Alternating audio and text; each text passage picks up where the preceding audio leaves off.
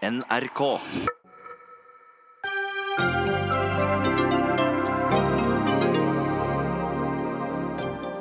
Equinor overrasket alle med å love nullutslipp på norsk sokkel innen 2050.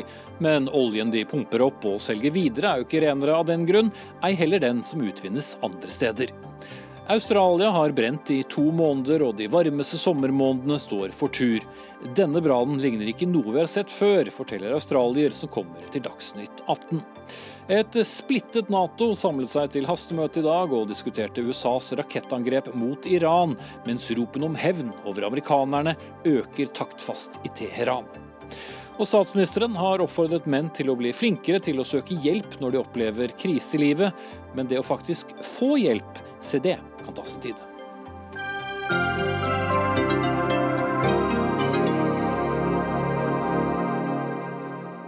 God mandag og velkommen til Dagsnytt 18. Jeg heter eh, Espen Aas. Og vi begynner med dagens eh, store energipolitiske nyhet, nemlig at Equinor sier de skal kutte sine utslipp i Norge med 40% innen 2030 og være nær utslippsfri innen 2050. Nyheten bejubles av regjering og enkelte klimaorganisasjoner, mens andre mener det ikke er nok. Mer om det om litt. Vi begynner med deg, bærekraftsdirektør Bjørn Otto Sverdrup i Equinor. Var det en rørende omsorg for egne utslipp som først og fremst var grunnen til at eh, dere kom med disse målene? Nei, men det er en spesiell dag for oss, fordi, og det er en stor dag. fordi i dag eh, har vi lagt frem veldig konkrete og ambisiøse planer for hvordan vi kan redusere utslippene i Norge og på norsk sokkel. Så det vi har gjort nå, vi har gjort en veldig grundig gjennomgang av hele virksomheten vår. Virksomheten vår skaper jo store verdier, men den har òg noen utslipp ved seg. Så har vi lagt frem planer i dag som sier at vi kan kutte de utslippene med 40% i løpet av ti år. Mm. Men det er alt er på norsk sokkel, bare så folk Det blir ja, ikke noen renere i den store verden, selv om vi kutter utslippene på norsk sokkel? Nei, Vi sa i dag at vi kommer tilbake til det i februar. Men i dag ønsker vi å snakke om de norske eh, utslippene våre. Fordi det er stor samfunnsmessig betydning. Og petroleumsvirksomheten står for nesten en fjerdedel av Norges samla CO2-utslipp. Så når vi sier at vi kan kutte fem millioner tonn, så er det nesten 10% av Norges utslipp, og det er veldig vesentlig. Mm.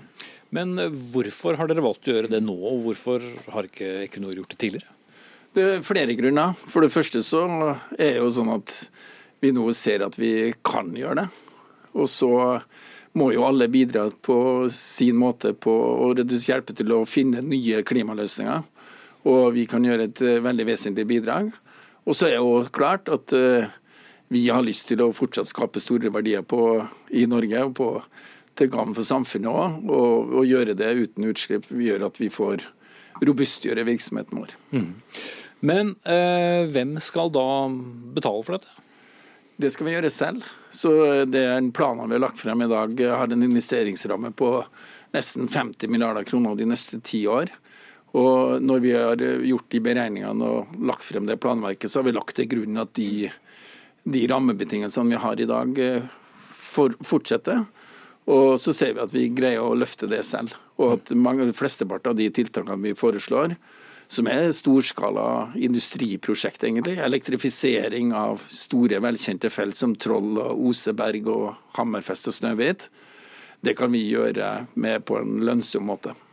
Men eh, samtidig så er det vel også sånn at det har blitt dyrere å være forurenser eh, i Norge. I hvor stor grad eh, spiller det inn at det nå er mer lønnsomt å tenke på en grønnere norsk sektor enn for noen år siden? Det, man må betale mer for å slippe ut uh, klimagasser? Ja, og jeg tror egentlig det viser at Grunnen til at vi gjør det nå, er også et uttrykk for at vi lever i et land der eh, klimapolitikken virker. Vi har en pris på CO2. og Vi, også, vi må være en del av EUs eh, klimapolitikk, og da må vi betale kvotepris. Og nå er prisen for det blitt så høy at eh, regnestykket tipper mot at det lønner seg enda mer å være miljøvennlig. Så, så, det er egentlig et honnør til eh, norsk forvaltning og norsk politikk som greier å innrette det. Mm. Så det tvang dere litt? Jeg er ikke tvang, men jeg tror at eh, det er banebrytende i internasjonal sammenheng, det vi foreslår i dag. Og jeg tror det er nesten vanskelig å se for seg at man kunne greid å få til den type store klimakuttreduksjoner i noe annet land. fordi vi har et veldig godt eh, system og insentivstruktur for det i Norge. 40 eh, av utslippene innen 2030. sammenlignet med 2005. Hvorfor 2005? For 2005 er hovedknytepunktet for Parisavtalens målsettinger. Og det er et naturlig utgangspunkt. Men Norge skal også, jo forplikte seg i forhold til 1990, hvor utslippene ja, var langt lavere enn 2005. Ja, på, det er riktig det norsk sokkel hadde utslipp altså i 1990, men da var det en helt annen sokkel med mange færre felt som var i drift. Mens eh, i 2005 er hovedtidspunktet for Parisavtalen og internasjonale forpliktelsene. Og så er det jo sånn at eh, det er interessant at eh, Eh, utslippene i 2018 er omtrent like som det er i 2005. Mm. Men så var det også et toppår, og er det ikke da mye lettere å nå et 40 %-mål målt mot et toppår enn f.eks. av 1990, som er det Norge har forpliktet seg til, som da om ikke var halvparten, men det var vel 8,2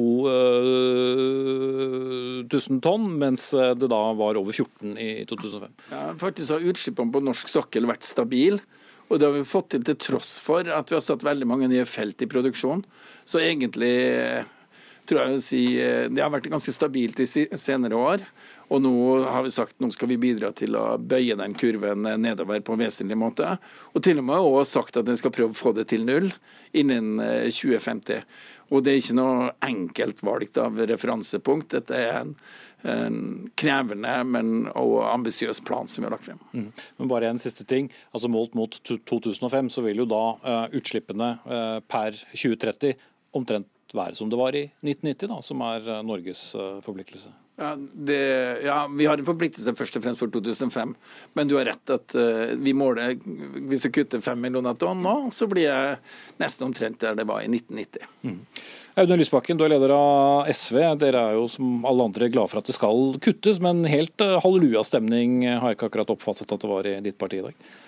Nei, og det er jo fordi at eh, På den ene siden så er eh, er det veldig bra at dette kommer. Det representerer jo et stemningsskifte i klimadebatten, som ikke minst alle de som eh, slåss for en ny klimapolitikk, ungdommens klimaopprør, skal ha sin del av æren for, og som også begynner å påvirke eh, bransjen. Og vi ser at I denne planen kommer det en del forslag som vi opp gjennom årene har også hatt eh, kamp med bransjen om, f.eks. elektrifisering av Melkøya og, og Kårstø, som vi lenge har slitt med å få gjennomslag for. Så det er jeg glad for for. Men så er det viktig også å eh, da reise de tingene som er vanskelig med dette. fordi eh, oljen blir jo ikke ren eh, av at disse tiltakene gjennomføres. Det er fortsatt sånn at ansvaret for eh, konsekvensene av norsk oljeproduksjon ute i verden også ligger på oss. Det er som du nevnte sånn at eh, oljeindustrien, oljebransjens andel av de norske utslippene har økt siden 1990. 70 eh, vekst i utslippene siden, eh, siden, 1990. Eh, så denne planen er jo heller ikke ambisiøs nok med tanke på hvor stor del av ansvaret for situasjonen vi er i denne bransjen har. Og Så mener jo vi at det er viktig å se på hva vi skal gjøre for å få ned forbruk av fossil energi i verden. Og Der er jo mitt spørsmål om denne planen også tar fullt inn over seg hvor utsatt vi er eh, i framtiden, eh, når en f.eks. For forutsetter eh, uendrede rammebetingelser for oljebransjen. For uendrede rammebetingelser i form av f.eks. For dagens petroleumsskatteregime, tilgang på nye områder for oljeleting, det kan vi ikke ha hvis vi skal nå klimamålene og hvis vi skal gjøre Norge mindre økonomisk sårbart for den omstillingen vi skal gjennom. Tina Bru, du er andre nestleder i Stortingets miljø- og energikomité fra, fra, Høyre. Eh, må det bli enda litt tøffere å være Equinor, og at de må regne med også litt tøffere rammebetingelser enn de de har i dag? Du har vel bl.a. også tatt til orde for det tidligere? Jeg mener jo egentlig at Det vi har sett her i dag er et veldig godt eksempel på at klimapolitikken, som jo har blitt skjerpet eh, de siste årene, nå begynner å virkelig fungere. Altså, dette er jo, som det blir nevnt her også, da, et resultat av at det nå lønner seg å gjennomføre klimatiltak. Det krever ikke massive statlige subsidier. Det er et marked som fungerer fordi at klimapolitikken har lagt til rette for det. Og Det er et kjempepositivt tegn. Det er et stort skritt i riktig retning, og vi trenger mer av det. Eh, og Dette handler jo også i liksom det litt større bildet så handler det jo om å sikre Norges mulighet til å være en energinasjon også i framtida. Også etter etter 2050. Og så kan man diskutere på en måte frem mot 2030 og liksom de kuttplanene som ligger der nå, men man skal jo faktisk på netto null i 2050. Eh, og med alle disse industrielle planene for å bygge opp masse mer havvind, karbonfangst og -lagring, mye elektrifisering, eh, produsere fornybar energi rett og slett på norsk sokkel pga. at vi har en kjempegod kompetanse og teknologi der fra før, det er det som trygger disse arbeidsplassene som vi er så avhengige av, og som betyr så mye for Norge. Så det er Men ikke noen vei utenom. Om. Kan Equinor fortsatt nyte av gunstige skatteordninger og leteordninger osv. som de gjør i dag? Jeg tror det er viktig for denne industrien å ha forutsigbare rammevilkår. Det har jeg ment lenge, og det kommer jeg til å mene fortsatt. Det handler også om arbeidsplassene i næringen. Det handler om at vi skal ha den industrien her eh, i Norge. Men det er jo ikke som at alt står helt stille. Altså, regjeringen har jo bl.a. økt CO2-avgiften. Vi har også varslet at vi kommer til å fortsette å øke den jevnt opp til 2025.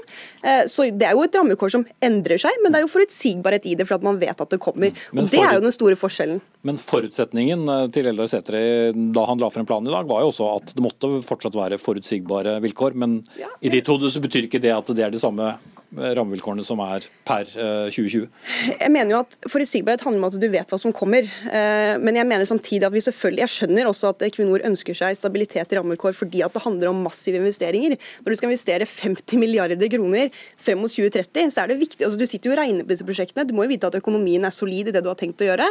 og Da, må, da skjønner jeg at de har lyst til å legge det til grunn. og jeg, jeg, mener også at det er gode grunner til å ha de stabile og forutsigbare rammevilkårene som vi har, også på skattesiden for denne industrien, for at det sikrer verdiskaping i Norge, og det trygger norske arbeidsplasser. Mm. Ja, Lysbakken, Dere har jo vært blant de partiene som har bedt om også at uh, oljeindustrien må skape en grønnere industri. Er det ikke akkurat det nå Equinor omsider gjør? Derfor sa jeg det at sant, Vi er glad for at dette kommer nå. Vi skulle gjerne sett at det kom før. Vi skulle gjerne sett at man går enda lenger. Men jeg er også tydelig på at her er det ting som vi er veldig glad for at nå skjer, og det er et tydelig tegn på et stemningsskifte. Vi må bare ikke lure oss sjøl.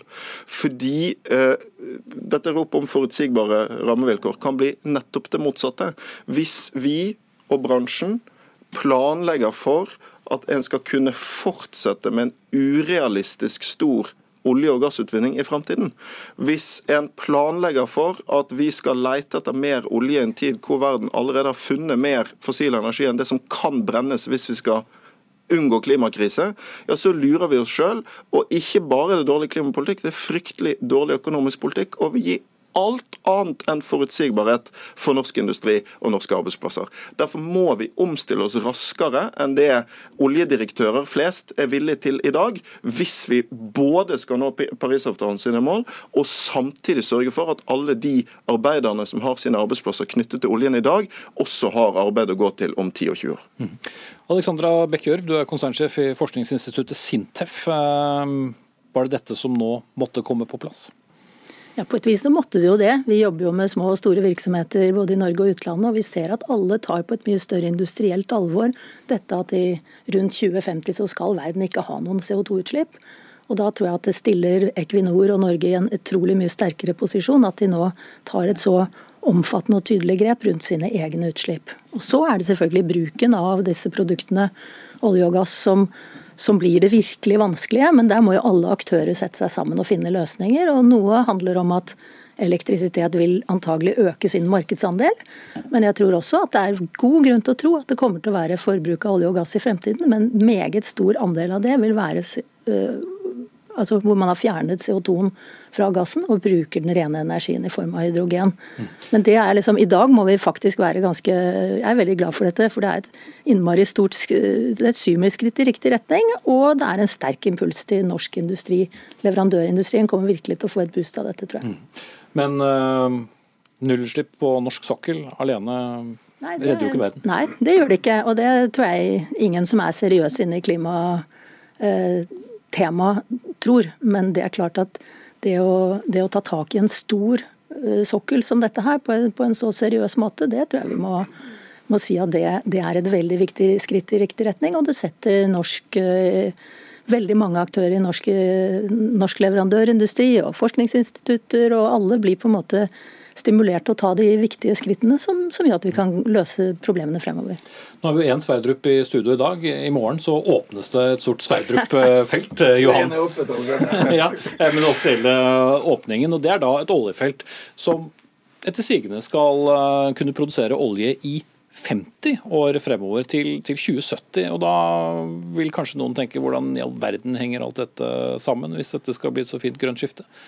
Ja, De kommer til å produsere det feltet liksom størsteparten av det i løpet av de nærmeste ti, ti, år. Men det er langt, det kan produsere i en lang tid.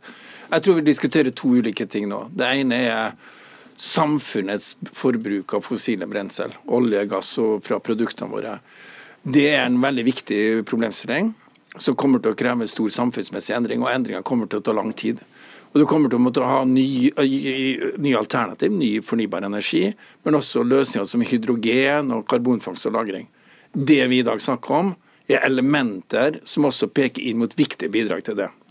Samtidig så er det sånn at vi tar tak i våre egne utslipp, vår egen bruk av fossile brensler, om du vil. Og så sier vi vet du hva, det kommer vi til å ta ned til null. I Norge? I, i Norge. Og det er der vi har størst virksomhet. virksomhet. Men og det, og det, er mange som sier at det, Det er noen som sier at det er ikke så viktig. Det har jeg lyst til å si det er feil. Det er veldig vesentlig. Det er en fjerdedel av Norges samla utslipp. Det er jo sånn at Olje- og gassproduksjonen i verden står nesten for 10% av alle verdens utslipp. Så det er veldig vesentlig å gå foran og vise at det er mulig å avkarbonisere store, tunge industriprosesser. Og det gjør vi nå.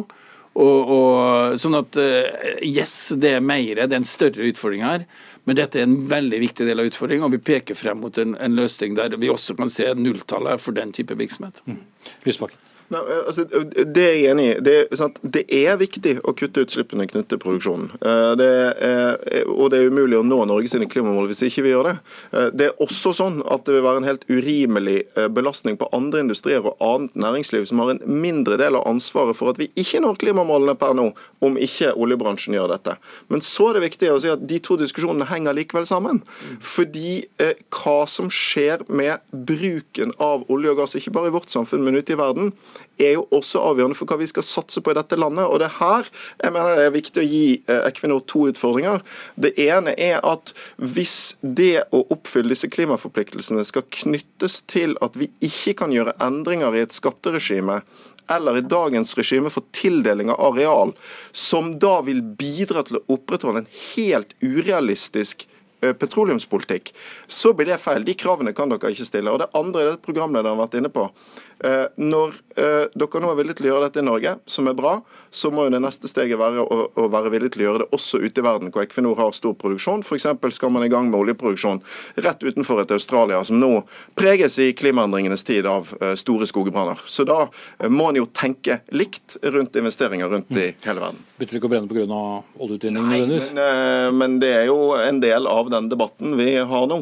Og vi vil få mer av sånt hvis ikke vi stopper klimakrisen. Tiden renner ut, men jeg vil bare spørre deg da til slutt, eh, Tina Bru.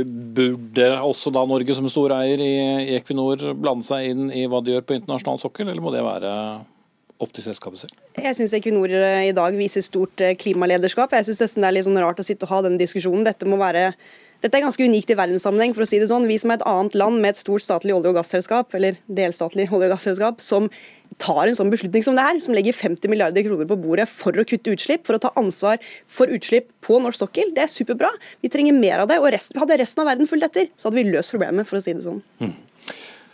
Takk skal dere ha, alle fire. Bjørn Otto Sverdrup eh, fra Equinor, Tina Bru, eh, stortingsrepresentant for Høyre, eh, Audun Lysbakken, leder av SV, og konsernsjef Alexandra Bekkjør fra Sintef. Og jeg vet ikke om jeg satt opp på vakt på Dagsnytt 18 programleder i 2050, men den som har sendingen, får i hvert fall sjekke hvordan det ligger an da.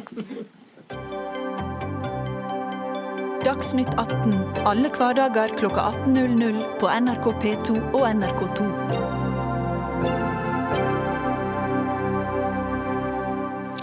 Australia ble så vidt eh, nevnt i foregående debatt, og der eh, har det jo, som vi vet, nå brent i både uker og måneder, og det brenner fortsatt. Offisielle tall viser at 24 mennesker har omkommet, over 1400 hjem er ødelagt, og nesten 60 000 kvadratkilometer skog- og jordbruksområder er svidd av og nesten en halv milliard dyr er borte. Og alt dette har skjedd før de varmeste månedene i den australske sommeren. Januar og februar er i gang. Og Malcolm Langford, du er jusprofessor ved Universitetet i Oslo og Bergen, men grunnen til at vi har deg med nå, er eh, at du er australier, eh, og du var hjemme i Australia i november. Hva var det som møtte deg da? Jeg fikk uh, faktisk tilbake uh, en stor sjokk da jeg var nede på Bondi Beach. Um, det var I himmelen var blod-oransje, og det var røyk over bølgene. og Det har jeg aldri sett før. Og da skjønte jeg at det er alvorlig. og da begynte jeg å følge veldig mye hva har skjedd i de siste to månedene. Mm. For det, men bare for å ha brakt det på det rene, det er ikke sånn at det brenner i Australia for aller første gang. Du har også vokst opp med store eh, branner mange år. Jeg vokste opp eh, nord av uh, Sydney, og vi har en stor uh, skog over veien fra oss. og Det var jevnlig skogbrann. Men det har alltid stoppet som fem meter fra huset. Det vi ser nå er helt annet. Uh, store brann drevet av rekordhøye temperaturer over tre delstater uh, samtidig. og det, det, har vi ikke sett før. Mm. Og Brannmannskaper omtaler disse brannene både som monsterbranner og mm. atombombebranner. og Litt av årsakene er altså hvordan de sprer seg. De stopper f.eks. ikke ved motorveier og andre naturlige stoppesteder, som de har gjort uh, mm. under tidligere branner. Nå, nå brer de seg i langt større omfang. Det er to grunner til det. For det, for det første er at trærne eksploderer. Uh, og Det betyr at flammene uh, kan uh, plutselig lande 500 meter foran den brannen. Og så bare hoppe over ikke bare i veier, men også elv og stein osv. For det andre skaper de monsterbrannene sitt eget varsystem. Det skaper tordenvær, det skaper linjeinnslag, det skaper tornado. Og Det betyr f.eks. at en ti tonns lastebil kan bli løftet opp og, og flippet over uh, gjennom disse monsterbrannene. Og brannmannen sliter skikkelig uh, med disse. Vi skal komme litt uh, tilbake til deg igjen, Langford, men jeg skal til deg, Karoline Andaur. Du er konstituert generalsekretær i WWF. og Vi har jo eh, sett en god del bilder etter hvert av forbrente dyr, bl.a. Mm. koalaer som får vann fra mennesker, mens også helt forbrente dyr som aldri rakk å, å, få hjelp. Og Vi hører noen helt vanvittige tall, en halv milliard. Altså, Hva konkret betyr dette for dyrelivet, som vi i hvert fall ser konturene av nå? Nei, men vet jo ikke resultatet helt ennå. For det som har skjedd i år, er jo at det er branner som har starta unaturlig tidlig. Eh, vanligvis så begynner sesongen på det som sommeren i Australia, som er type januar-februar. I år starta de allerede i november. Det en eh, ser nå, en har snakka om en halv milliard dyr kan dø. Det handler egentlig om at 480 millioner dyr eh, kan bli ramma direkte av eh, brannene. Hvor høyt dødstallet blir, det vet vi jo ikke ennå. Eh, men vi ser at eh, i Australia så har en òg hatt en dårlig naturforvaltning med mye avskogning, som gjør at mange arter har vært på randen av utryddelse, har gått ned i bestand. Og nå får de på toppen eh, så får de i tillegg klimaendringer og konsekvenser av store branner som dette, som er med på å gjøre at bestandene blir ekstra utsatt. Men øh, når eh, skog brenner ut, så skal det vokse opp øh, ny skog. Men det er nå øh, antydet at det kan ta mye lengre tid, opp mot 100 år, for mm. å få skogen tilbake. Hvorfor skulle det plutselig ta så lang tid? Jo, Det handler om at vanligvis så ser en at når en har skogbranner, dette gjelder verden over, så kan frøene lagres i jorda. Altså at skogen, naturen har bygd opp et forsvar mot branner, som gjør at de kan spire på nytt. Det som er unikt nå, er jo de enorme, liksom den enorme varmen varmen, den intense varmen som har oppstått, eh, og hvor lenge brannene har vart i samme område, som gjør at en tror at noen av frøene nå ikke vil overleve, og da ikke kan bare blomstre på nytt, som man har sett etter tidligere branner, f.eks. ekalyptustrærne, som har en eh, fin funksjon. At de etter de har brent ned, så kan de en kort tid eh, få nye skudd. Det er en redd for at nå ikke skjer. Mm. Eh, I fjor så hadde vi jo da Amazonas eh, som brant, og mm. det var mye snakk om eh, konsekvensene av det. Disse brannene er jo større enn de vi vel så i Amazonas. I hvilken stor grad kan dette påvirke mangfoldet? I, I, stor grad. Det handler om, som sagt, om to ting. Det er allerede det at Når en tenker på Australia, så tenker en kanskje på et godt land som har god naturforvaltning. Det er stort, mye ville dyr. Eh, men han drev avskoging i et mye større tempo enn han har gjort i Brasil. Men det har ikke vært snakka så mye høyt om det. Sånn at eh, mange av de artene som er avhengige av skogen, de har allerede dårlige levevilkår, og nå kommer klimaendringene på toppen. Og en ser at eh, koalaen, som det har vært mye snakk om, den er en jo usikker på hvordan rammes. Men i New South Wales, som er den regionen som er hardest rammet, så er en tredjedel allerede sagt at er dødd ut, eller er dødd som følge av brannen. Men hva tallene blir og hvordan det betyr for bestanden, er usikkert. Men så handler det jo òg om naturens økosystemer. Eh, når en ser ned på om ikke skogen bygger seg opp, insekter som rammes, eh, de som er avgjørende for eh, økosystem, økosystemtjenester som pollinering osv. Konsekvensene på sikt vet en jo ikke.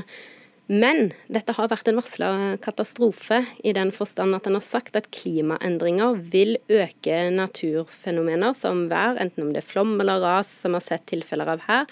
Men Skogbrann og tørker de øker i omfang, blir mer dramatiske. Og en ødelegger nå naturens, eller klodens immunforsvar. For naturen er jo måten vi skal greie å takle klimaendringene på, og det ødelegger vi nå. Men det er ikke klimaendringene som satte i gang brannene? Kommer uansett? eller? Det, altså, det er. Men uh, de er blitt forsterka av et, eh, en ekstrem tørkeperiode. Uh, og siden 2019 var et av de varmeste årene, eller det varmeste året. En har hatt en ekstrem tørke i Australia i mange områder som har vart opptil fire år. Noen steder har ikke hatt regn siden 2017 i det hele tatt, og vegetasjonen er knusktørr. Så når det da først kommer en brann, så blir konsekvensene som man har sett nå, ikke bare for natur, men på mennesker, mye større. Mm. Malcolm Langford, jeg vil tilbake til deg. fordi eh, Mye handler selvfølgelig nå om å få slukket disse brannene og få reddet så mange verdier og menneskeliv som mulig. Men eh, de politiske konsekvensene er også å se. og Landets statsminister eh, Scott Morrison har fått mye kjeft, til tross for at han da reiser rundt. Vi har både sett bilder av brannfolk som ikke vil hilse på ham, også sivile. Hva er det han har gjort som har gjort han så upopulær. Brannene er vel ikke hans skyld nødvendigvis. For det første, Han tok en hjemlig uh, ferie uh, i Hawaii, uh, og den svekket hans omdømme ganske mye. men for de andre, det er mange som er sint i forhold til manglende beredskap. Både forhindring av, av brann, ressurser til brannmenn men også uh, hjelp. Uh, vi ser bilder av folk som ser som de bor i en krigssone. Det er ikke mat, uh, hus, tilgang til penger, tilgang til strøm, tilgang til internett og og, Og, og, og de er veldig frustrert. Og denne brannmannen du snakket om, han har akkurat mistet også huset sitt mens han kjempet for andre. Så det er, det er veldig vanskelig for folk på, for, for, på første linje. Mm. Litt godt nytt har det vært eh, nå, i hvert fall, med at det har vært eh, noe regn og litt kaldere vær. Men det er fortsatt eh, lenge igjen til man får endelig bukt med de voldsomme brannene som altså har herjet i to måneder. Takk til Malcolm Langford, jusprofessor og opprinnelig fra Australia, og Caroline Andor, konstituert generalsekretær i WWF.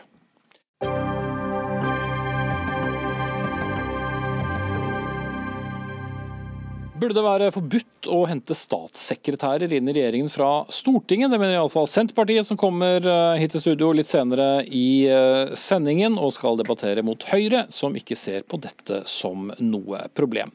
Men nå skal vi haste videre til eh, den saken som dominerer det internasjonale nyhetsbildet aller mest, nemlig situasjonen mellom, eller den betente situasjonen mellom Iran og USA.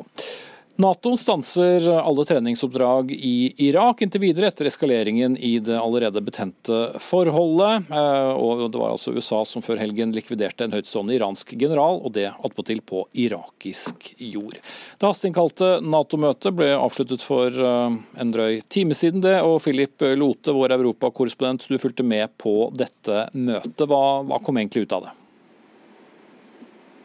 Ja, Det Stoltenberg sa, var jo som du innledningsvis nevnte, at uh, inntil videre så stanser Nato sin opplæring av irakiske eh, soldater. Eh, dette skjer delvis etter at irakiske parlamentet har vedtatt at de ikke ønsker amerikanske Eh, styrker eh, på irakisk grunn. Eh, og USA er jo et Nato-land, og dette kompliserer situasjonen, gjør den mer usikker. Og Foranledningen til den spente situasjonen vi har nå, er jo to episoder som begge utspant seg i Irak. Det ene var angrepet på USAs ambassade i Bagdad, og da det amerikanske svaret hvor etter ordre fra president Trump en amerikansk drone tok livet av Qasem Soleimani, den iranske generalen og strategen som har hatt som oppgave å koordinere og lede eh, sjiamilitser i regionen, som da er lojale overfor Teheran, og som USA mener står bak en eh, rekke destabiliserende angrep i Midtøsten. Dette hastemøtet var da med Natos eh, ambassadører. Hvorfor var det ikke et møte på et høyere nivå? Det som er, er at nå Skal man hasteinnkalle til et møte i Nato, så, så er det jo Nato-rådet som eh, er eh, det man oftest kaller inn. og Det er et uh, høytstående råd i uh, Nato, uh, hvor man da kaller inn ambassadørene. De har da mandat og makt til å beslutte ting på vegne av sine regjeringer hjemme. og dette er jo da en ganske rask reaksjon, uh, usedvanlig rask reaksjon fra Natos side, egentlig.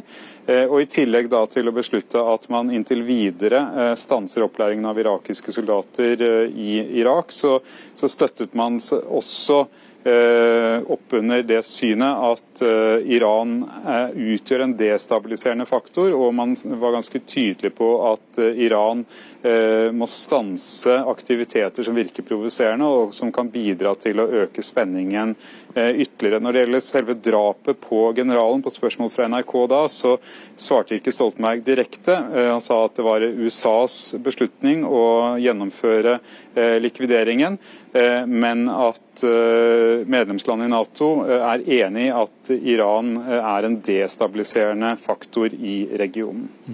Tormod Heier, oberstløytnant og forsker ved Forsvarets høgskole. Hvilken belastning kan USAs angrep, altså USA er også et Nato-land som kjent, i Irak bli for Nato-samarbeidet? Ja, Jeg tror nok det vil bli en belastning, og den tror jeg følger to spor. For det første så vil nok belastningen bli en allerede forsterkning av de skillelinjene som ligger i Nato i dag, hvor de små allianseavhengige landene som ligger nærme Russland, de vil være tilbøyelige til å være ikke veldig uenig med USA. Mens de litt større og litt sånn tryggere eh, Nato-medlemmene som ligger litt lenger vekk fra Russland, og som kanskje ikke trenger amerikanske sikkerhetsgarantier like mye, f.eks. Tyskland og Frankrike, de vil kanskje innta en litt mer kritisk holdning. så Sånn sett så underbygger vi noen sånne iboende konfliktlinjer som allerede ligger der.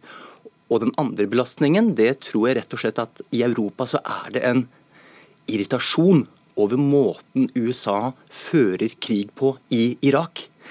Etter europeiske perspektiver så syns man at amerikanerne er litt for eh, heavy-handed, bruker litt for mye militærmakt og har litt for lite diplomati, dialog, samarbeid og kompromisser. Det er et sånn nullsumspill som i et europeisk kontekst eh, ikke er spesielt appellerende.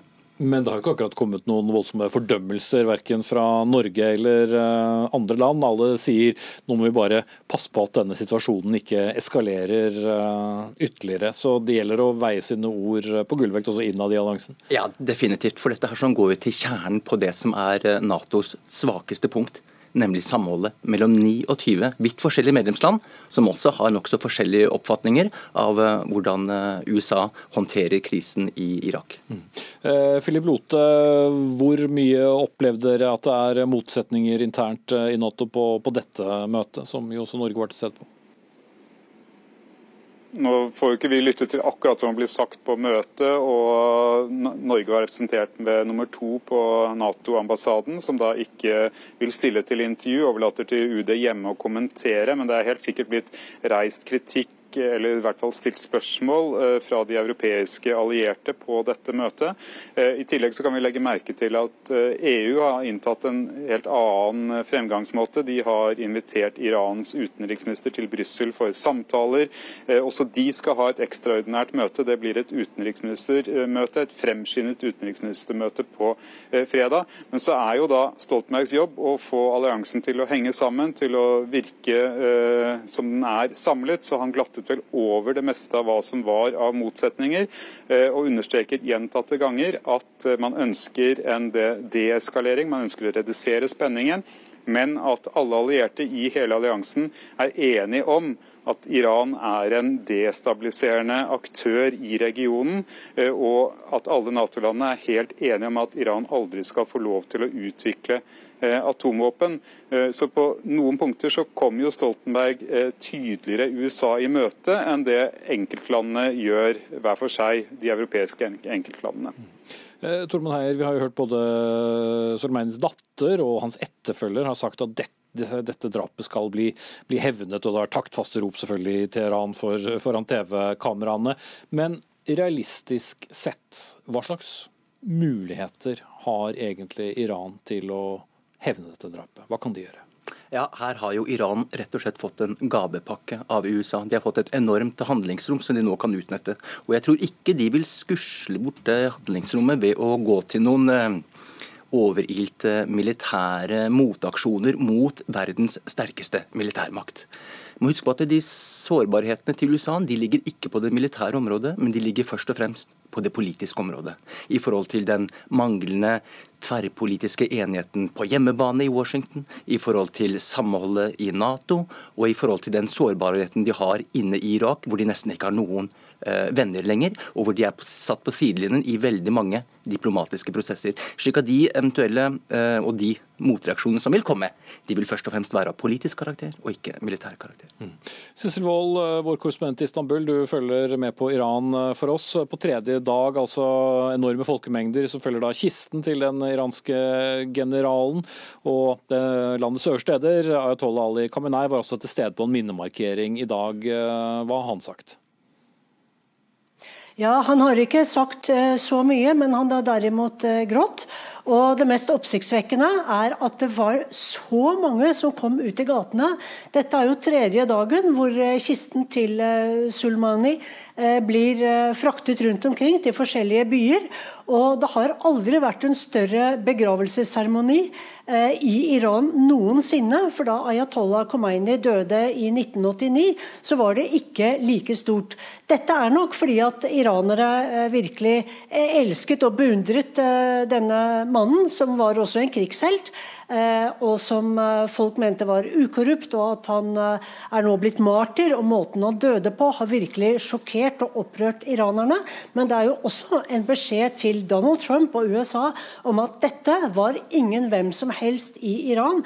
Dette var Irans mest populære general. Mm. Eh, Kjetil Selvik, du er forsker ved Norsk utenrikspolitisk institutt og ekspert på, på, Midtøsten. Forut for dette så hørte vi jo om eh, mye opptøyer internt i Iran, protester eh, mot regimet. Har dette vært gode nyheter for det iranske regimet på flere måter, med at de nå kan, vel, angivelig i hvert fall, samle folk igjen? Jeg vil ikke si gode nyheter, men det er et fellestrekk mellom utvikling både i Iran og Irak at det iranske regimet har vært på defensiven de siste tre månedene med protester, særlig i Irak. Protester i Irak som har hatt en klar anti-iransk brodd i Irak. Og da dette angrepet er en vesentlig faktor for å snu noe av det. Iran har også hatt voldelige protester internt som ble slått ned på veldig hardt. Voldsom undertrykkelse i november. Det er klart de trenger sårt eh, en forsoning mellom folk og regime. Og Qasem Soleimani, som Sissel Wold er inne på her, er en person som har popularitet. En del, få regimer som har popularitet langt utover regimets rekker. Han representerer på en måte en slags bro mellom det iranske regimet og iransk nasjonalisme. Fordi eh, dette regimet, som har vært fundert på shia-islam, har egentlig hatt et veldig ambivalent forhold til, til nasjonalisme. Det har ikke vært den islamske ummaen skulle være samlet, ikke splittet i ulike nasjoner. Og, og iranske nasjonalister har ikke likt dette regimet, og ikke likt islam. De sier at denne islam kom til oss med arabernes eh, invasjon osv. Så videre. sånn det, det, er et anspent forhold mellom iransk regime og iransk nasjonalisme. Men et enormt potensial i iransk nasjonalisme. Og i den grad regimet kan eh, lage en bro forbindelse til det, så vil det komme sterkere ut. Mm. Eh, og Sissel Wold, stadig med oss eh, nettopp eh, de enorme folkemengdene og at dette pågår i dagevis, viser i hvert fall at Iran ønsker å vise omverdenen at de står sammen. Ja, virkelig. Og det i Den islamske republikken så står jo martyren veldig, veldig høyt. Og han ble jo martyr på denne måten. Men det er også viktig, når du ser på disse enorme folkemengdene som både er nasjonalistiske og patriotiske, og som Selvik sier, det er jo veldig mange som kommer ut i gatene nå som ikke nødvendigvis elsker regimet, men plutselig så står de sammen. Så Trump har jo greid å forene alle iranere. Men med det så øker jo også presset etter hvert Eh, som Soleimani blir begravet, eh, om at eh, øverste leder må bestemme seg for hvordan man skal svare på denne likvidasjonen. Fordi iranere mener jo at man ikke kan la være å gjøre noe.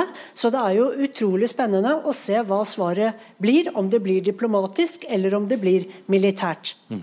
Og Det oppdager vi vel det det skjer. Men en annen ting er Selvik. Iran og Irak har jo tradisjonelt sett ikke hatt et spesielt godt forhold. Vi husker jo de gamle krigene, og det er jo to forskjellige folk også.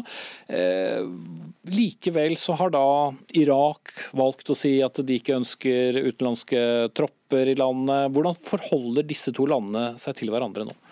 Qasim Soleimani og hans etterfølger nå som overtar hans posisjon, har begge til felles at de ble formet under Iran-Irak-krigen. og Irak har vært Irans tradisjonelle fiende og utfordring sikkerhetspolitisk. og Det er en veldig kompleks relasjon mellom Shia-Iran og Shia-Irak. finnes tette bånd som går ned på samfunnsnivå. Kulturelle forbindelser, familier, eh, politiske forbindelser. Men det er også et, et, en undertone der av at dette er krigen fra, på 80-tallet som, som, ligger under. Og Irak, I Irak så er Iran svært omstridt. Du har de som hater Iran over enhver pris, og de som eh, ser på Iran som en, en, sterk alliert. Men det er vel sånn at i valget mellom USA og Iran, så vil veldig mange i Shia-Irak, som er den største delen av Irak, velge Iran. Mm.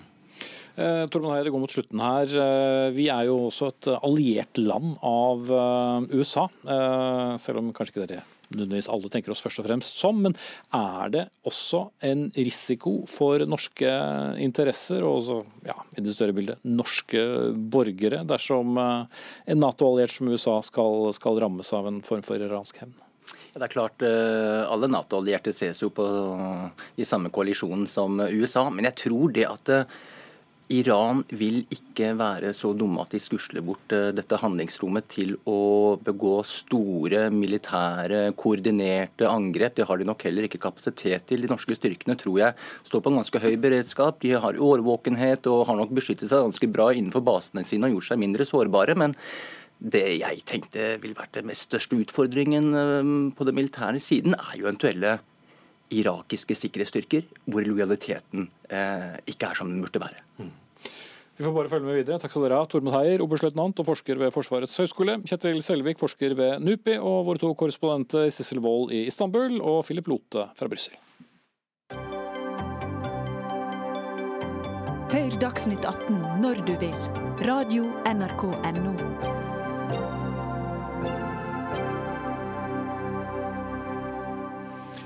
Da skal vi til eh, hjemlige forhold, men eh, kanskje alvorlig nok, for vi skal snakke om ting som omhandler vår egen grunnlov.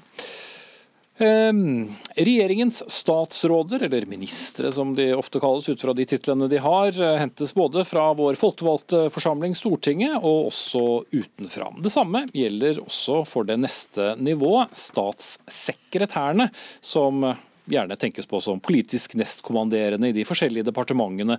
og De er også politisk utnevnt og tilhører regjeringen.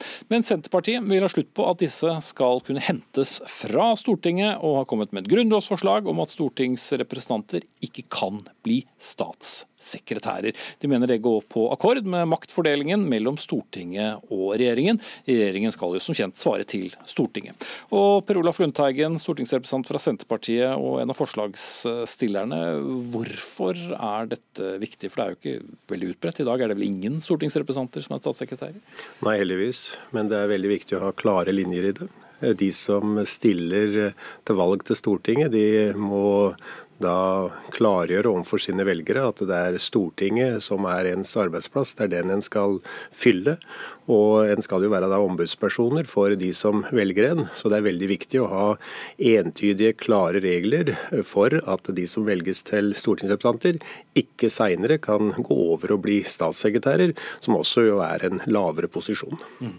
Men for å forklare vårt publikum, og noen av de kan jo selvfølgelig godt forskjell på statssekretærer og, og statsråder, men hvorfor er det mer vanskelig at en statssekretær skal hentes blant de folkevalgte, enn at jo veldig mange statsråder hentes fra den samme nasjonalforsamlingen?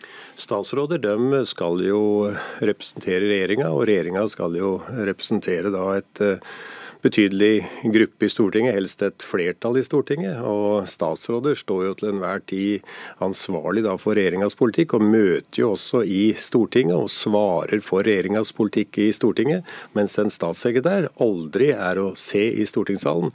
For konstitusjonen vår er jo sånn at det er Stortinget kjenner bare statsråder, ikke statssekretærer. Mm. Michael Tetzschner fra, fra Høyre, er eh, det et godt forslag fra Senterpartiet? Jeg vil si at uh, tanken bak det uh, kan være god. Uh, fordi veldig positivt tolket så kan man også se en vilje til å hegne om maktfordelingsprinsippet. Men da vil jeg likevel si at å innføre en rigid regel mot en praksis som faktisk ikke finner sted, det er kanskje å begynne i feil ende når det gjelder å, å klargjøre de tre institusjonenes eh, innbyrdes integritet. Altså det at man respekterer hva de holder på med. Og med tre så mener jeg da også domstolene, regjeringen og, og Stortinget. Og Da har jo dette forslaget fokusert på det potensielle problem som kunne ligge i at regjeringen stadig forsynte seg av stortingsbenkene for å fylle opp eh, statssekretærlisten. Og eh, eh, Vi har jo sett på dette forslaget. Det var fremme også for fire år siden. Vi behandlet det 31.3. Jeg husker det veldig godt, for jeg hadde gleden av å være saksordfører. Og Da så vi litt på statistikken at etter krigen så har det vært eh, utnevnt ca. 890 eh, statssekretærer. Og under 10% av disse har hatt en slik rikspolitisk interesse at de har eh, senere eller før dette vært eh, aktuelle på Stortinget. Vi har ikke noe statistikk på hvor mange som har eh, vært der samtidig, altså hvor man rett og slett har gitt opp stortingsvervet for å gå inn og bli statssekretær. Og Det var også, det må jeg også innrømme forslagsstillere her, at det var på vei til å kanskje avtegne seg som et problem, men som flertallet sa sist eh, da vi hadde saken for fire år siden, og som også sto bak det solide flertallet som gjorde at vi ikke endret Grunnloven, så eh, forutsatte man at regjeringen viste moderasjon, varsomhet og klokskap, og det er det gjort i denne saken. Så etter det har vi ikke sett noe eh, slikt, eh, en, en slik måte så, å, å, føre personalpolitikk som sjenerer Stortingets sammensetning.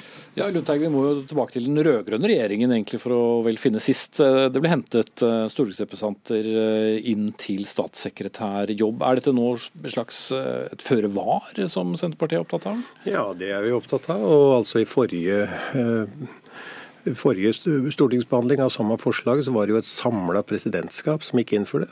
Det var alle partiene i presidentskapet som gikk inn for det. Og det var jo da ganske spesielt at ikke det eh, flertallet eh, førte til et nødvendig grunnlovsflertall i Stortinget.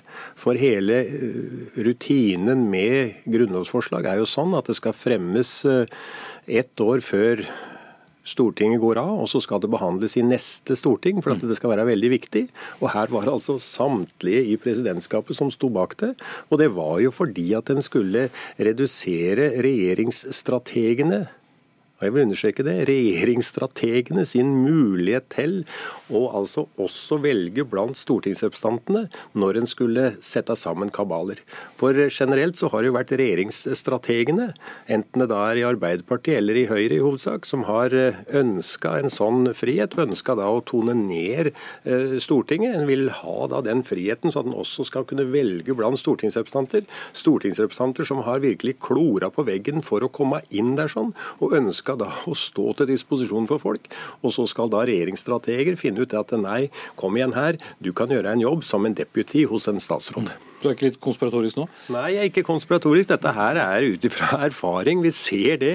Altså, Det skulle jo veldig mye til altså at hele presidentskapet, ikke medlemmer, fikk støtte ute når det her kom i, i salen. Og jeg kjenner Stortinget så godt at jeg veit samspillet mellom regjeringsstrateger og de som er de mest framtredende i Stortinget. Men nå fanges du jo litt av din egen argumentasjon, fordi det var jo det avgående presidentskapet som så, som du sier, et år før valget fremla dette. Så dette hadde jo velgerne fullstendig hånd om.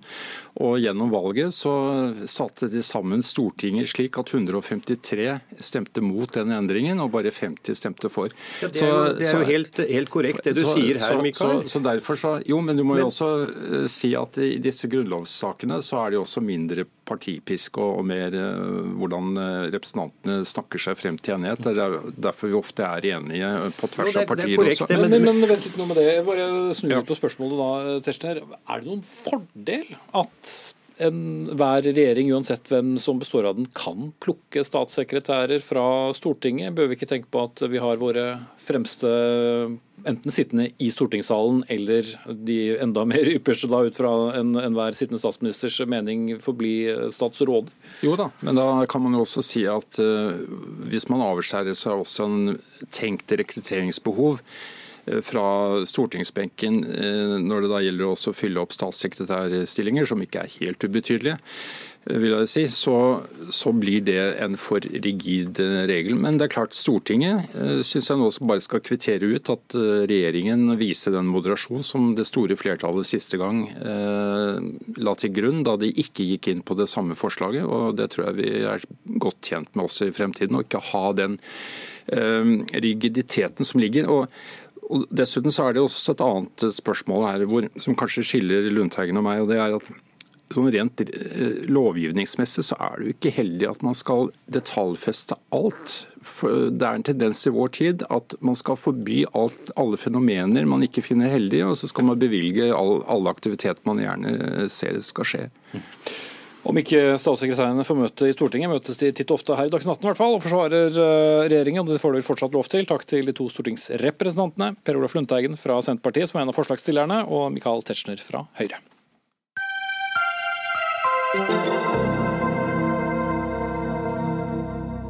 I eh, kjølvannet av eh, Ari Behns eh, bortgang i romjulen har det vært et økt fokus på at folk som sliter må søke hjelp, noe også landets statsminister Erna Solberg stilte seg bak, og sa bl.a.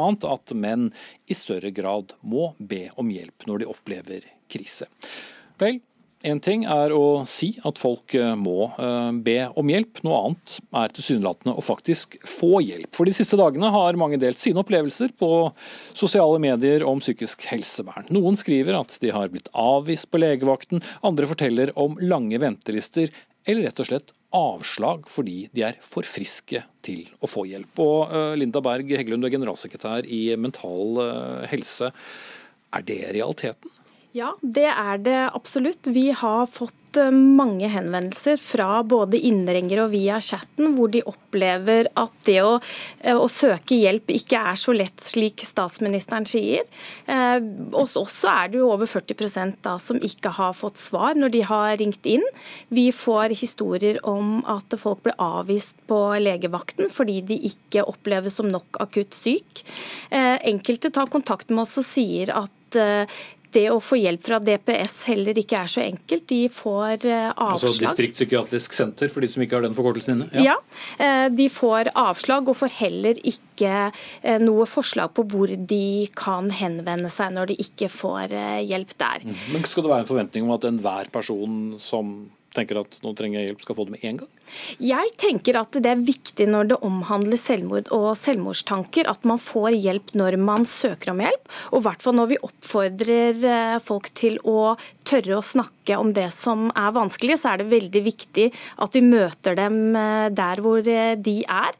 Noen har kanskje brukt tid på å manne seg opp til å ta kontakt, og da er det ikke heldig at de blir møtt med en avvisning om at de ikke er syke nok. Mm.